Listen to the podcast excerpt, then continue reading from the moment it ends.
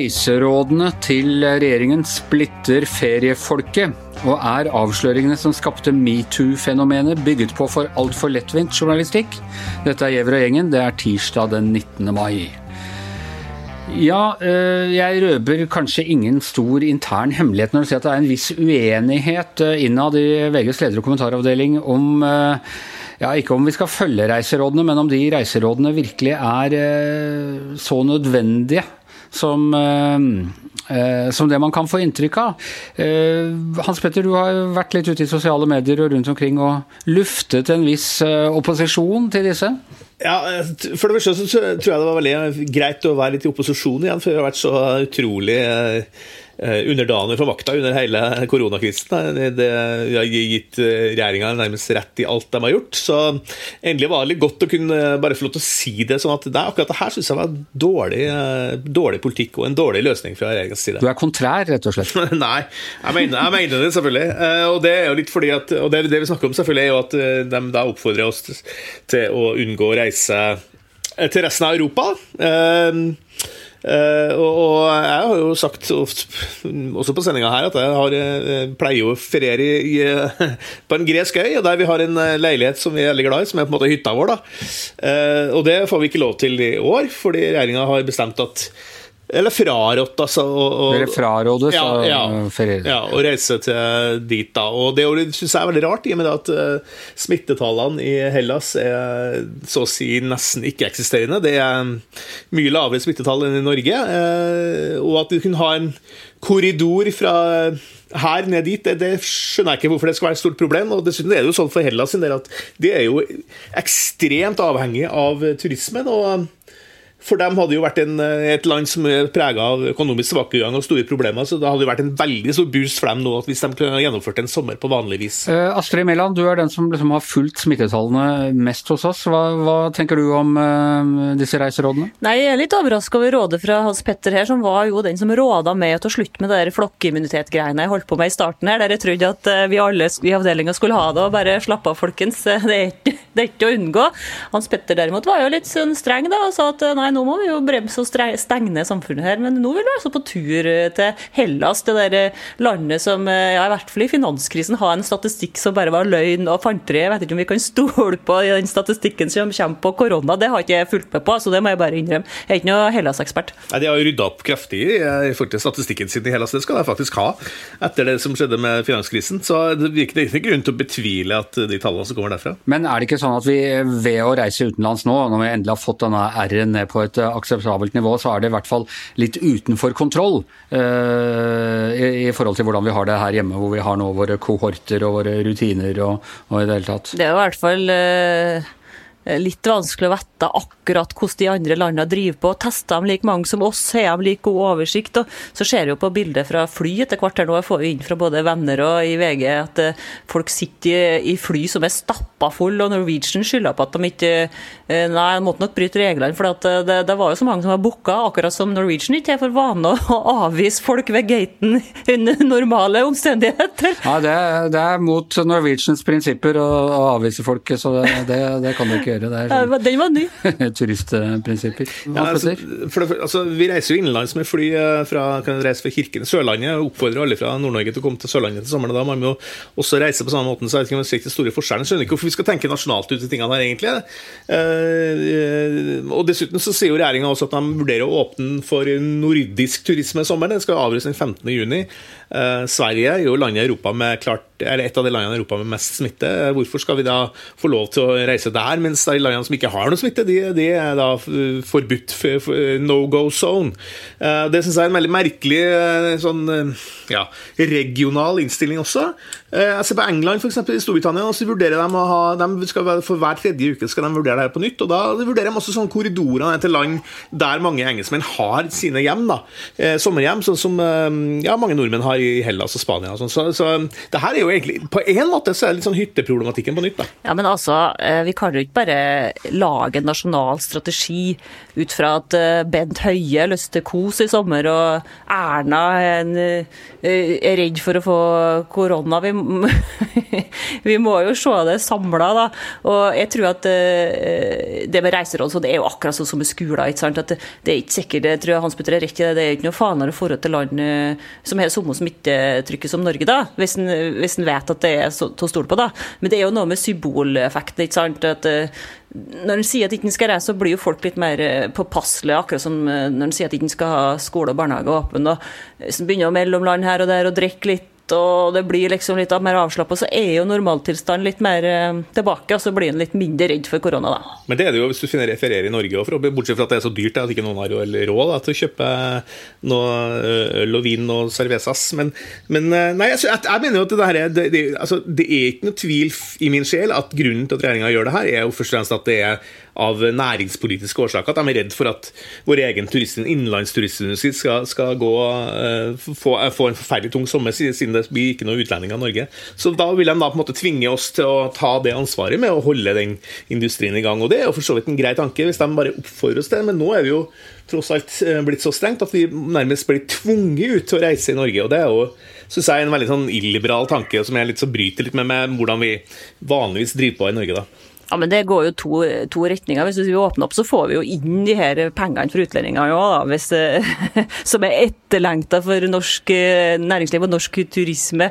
Så jeg tror egentlig at, eh, at Hans Petter kommer til å få forhold på ferie i sommer. og jeg tror at eh, De driver og skremmer oss litt nå med 20. august, men jeg tipper det at Norge kommer til å åpne opp kanskje 15. juni til Norden. Men jeg forstår heller ikke det med Sverige, for all del. Jeg vil ikke Sverige i første omgang sjøl. Men så kommer han kanskje til å åpne opp opp for Europa 20.07. Altså, det tror jeg. Vi driver jo og følger etter Danmark i alt vi gjør i den eh, striden her. Og Danmark driver jo og presser på for å åpne. Eh, der får Mette Fredriksen eh, press for både næringsliv og alt. Og det er jo en stor, stor sak i EU og i Norden, det her, der nå Sverige er dritta sur på oss resten av Norden fordi at verken Finland eller Danmark vil ha med Sverige i en sånn nordisk reisefellesskap. Ja, men eh, Hvordan funker dette rent? Altså, er det, eh, disse korridorene, er det sånn toveis? Altså Hvis vi åpner opp til Hellas, så må også grekerne få lov til å si, men, komme hit? Men det er jo ikke ja, men er, er, det sånn det fungerer rent sånn smittediplomatisk? Eh? Ja, Nå er jo ikke det her vedtatt ordentlig, skikkelig, men det er sånn, sånn de tenker det, i hvert fall innad i EU. Da, i hvert fall, og, og det er jo ikke noe, I Norge er jo ikke det er jo ikke sånn at hvis mange nordmenn er over en million nordmenn drar til Hellas, så er det ikke en million grekere som kommer til Norge, for å si det litt forsiktig. Det er, det er pga. den eh, økonomiske ubalansen mellom de, disse to landene. Ja, men uh, turisme i Norge kommer fra, fra helt andre land, så, så Nei, jeg syns det er veldig rart. Jeg syns det, det, er en litt underlig politikk som uh, mer smaker av symbolisme og mer smaker av en slags sånn andre, eh, det er andre ting som spiller inn, da, som, som, handler om noe, altså noe, annet enn det at folk da faktisk skal få lov til å dra til, til, til feriehjemmene og hyttene sine, som, som, jo er viktig for folk da etter en, et halvt års nedstengning snart. Men er det noen andre land som har åpna opp, da? Det var en rå overdrivelse, Hans Petter. Jeg tror heller ikke noe på den men... teorien der. Men er det er noen andre land som har åpna opp. Altså, Tyskland eksempel, er jo et kjempeaktuelt land for Norge å få åpna opp til. Vi har jo tyske fisketurister osv. osv. Men uh, de driver og snakker om det. Men Norge er vel ikke akkurat noe sånn der uh, Trygve Slagsvold Vedum-paradis som gjør det her helt for seg sjøl og bare helt stengt? De åpner jo der, det er jo det regjeringa sa. De begynner jo å åpne i forhold til naboland ikke sant, i nedover Europa. Frankrike, Russland, Tyskland, Østerrike. Eh, Baltikum åpnes mot hverandre og sånne ting. Og det er sånn tanke, tankene her også.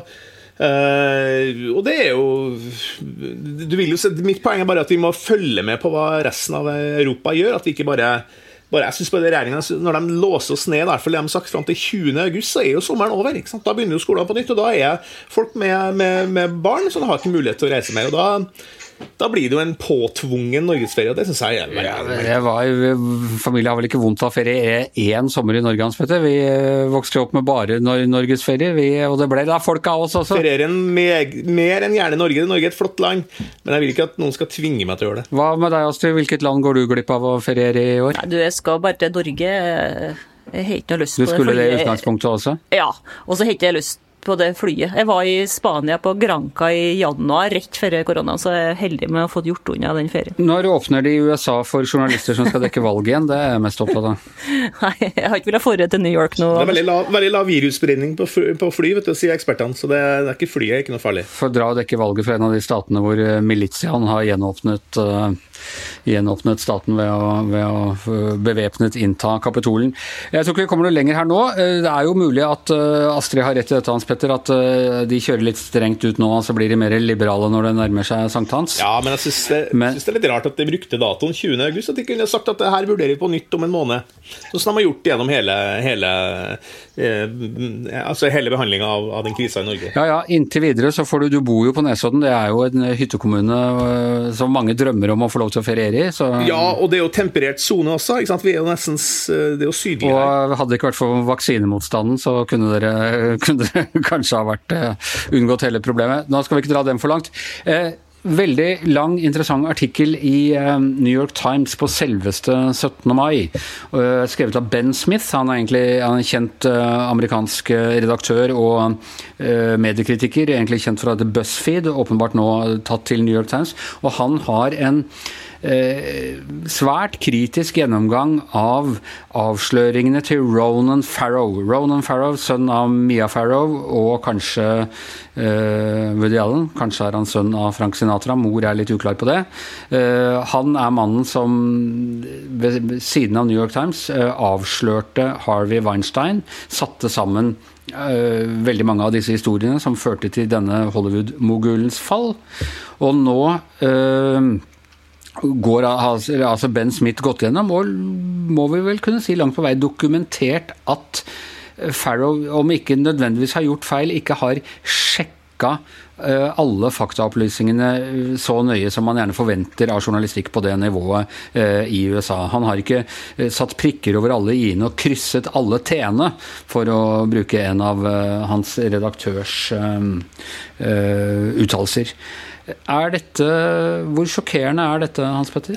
Det er også en sånn ting man har venta litt på, egentlig. Altså, artikkelen i New York Times heter jo uh, Is Ron, Ron, Farrow too good to be true? Han er jo en sånn ordentlig Bonderboy da, som, som har han ser flott ut, han, er, han har innflytelse, han er, han er kjempeflink. Ikke sant? Han har blitt rik på journalistikken sin og bøkene han skrev. og sånn, så jo, Det var jo på tide på at noen ettergikk ham litt. da. Eh, så er jo folk nå i etterkant veldig uenige om hvorvidt Ben Smith har avslørt noe særlig, eller om, eh, om, om Ron Farrell kommer dårlig ut av artikkelen eller ikke. Det, han blir jo ikke beskyldt for å være fra juksa for å finne opp ting. Det er jo mer en slags sånn at man har cherrypicka, valgt et narrativ. Um, ja, gjort sånne ting som, som, som vi journalister egentlig på en måte alltid gjør. At er, men at det er ting som burde vært sjekket bedre. altså Når en uh, kvinne står fram med, med, sterke beskyldninger som ligger langt år tilbake, så har han ikke sjekket godt nok om hun fortalte andre på den tiden om dette, eller hvilken historie hun da øh, fortalte om dette. Og Det virker jo litt som en øh, litt unnlatelsessynd, i hvert fall de eksemplene han trekker fram. Det er jo det, og det, er det som jeg syns er interessant, er at han blir beskyldt for å være såkalt uh, driver med resistance journalism. Da, at han er en slags, sånn, en slags, motstandsbevegelse. At han da eh, er, er en aktivist. da, Det er vel det det egentlig går på. ikke sant, at han eh, Istedenfor å være journalistikk, skal jo handle om å, å samle fakta og, og, og, legge fram fakta, men her er det mer en kampanje da, som, eh, som han blir beskyldt for å bedrive, uten at, uten at Ben Smith på en måte klarer å, å, ta han sånn hardt på at han har juksa eller, eller funnet opp fakta, sånn, for det har han jo for så vidt ikke. Det går jo mer på mer på at det er kanskje litt lettvint og litt mer litt uh, tendensiøst. da. Han er, eh, han er metoo-journalistikkens Kjakan. Leste ikke du boka hans, uh, Astrid? Det er jo en av de hvor han, Der kaller han i tittelen en konspirasjon for, uh, for, å verne Harvey Weinstein? Ja, altså Han ga ut ei bok i fjor var det vel, som heter 'Catch and Kill', som han skrev sjøl.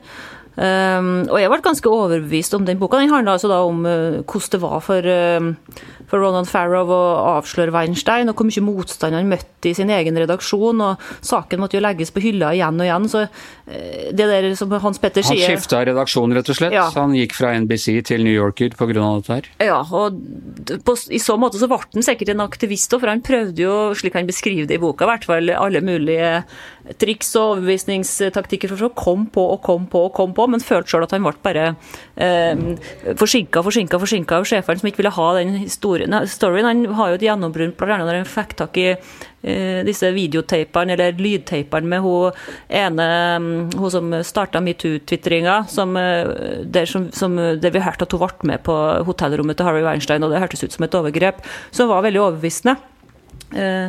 Eh, men sjøl det var ikke nok, og han beskriver jo en slags kamp. ja, og Det kan jo godt forstå at hvis han eh, kanskje har gått litt i bias-fella. Siden han har møtt så mye motstand, så kan han fort begynne å tolke all slags motstand, alle slags spørsmål som en eh, del av en, eh, et forsøk på staggen. Da. Og Det er jo det, noe av det Ben Smith eh, trekker fram eksempler på.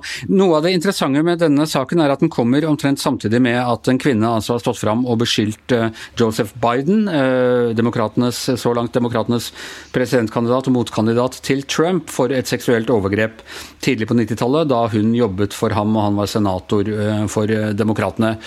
Nå kom det en lang sak i Politico som langt på vei eh, de, si, destabiliserer hennes troverdighet. Det viser seg at hun har vært ja, Hun blir hevdet å være manipulativ, bla, bla, bla. Ikke til å stole på når det gjelder penger og, og sånne ting. Og samtidig mye trukket fram at hun på ikke begynte å snakke om dette overgrepet til noen rundt seg før helt nylig. Så sier advokaten hennes, og det vil jeg si med en viss rett, at dette er jo akkurat det samme som i, i Og at hun skulle ha snakket pent om Biden til folk eh, i årene som fulgte. Da sier advokaten at dette er jo helt i tråd med hvordan eh, Weinsteins eh, anklagere har opplevd det. Mange av dem fortsatte å ha et hyggelig eh, forhold til ham lenge etter at eh, de angivelige overgrepene skulle ha funnet sted.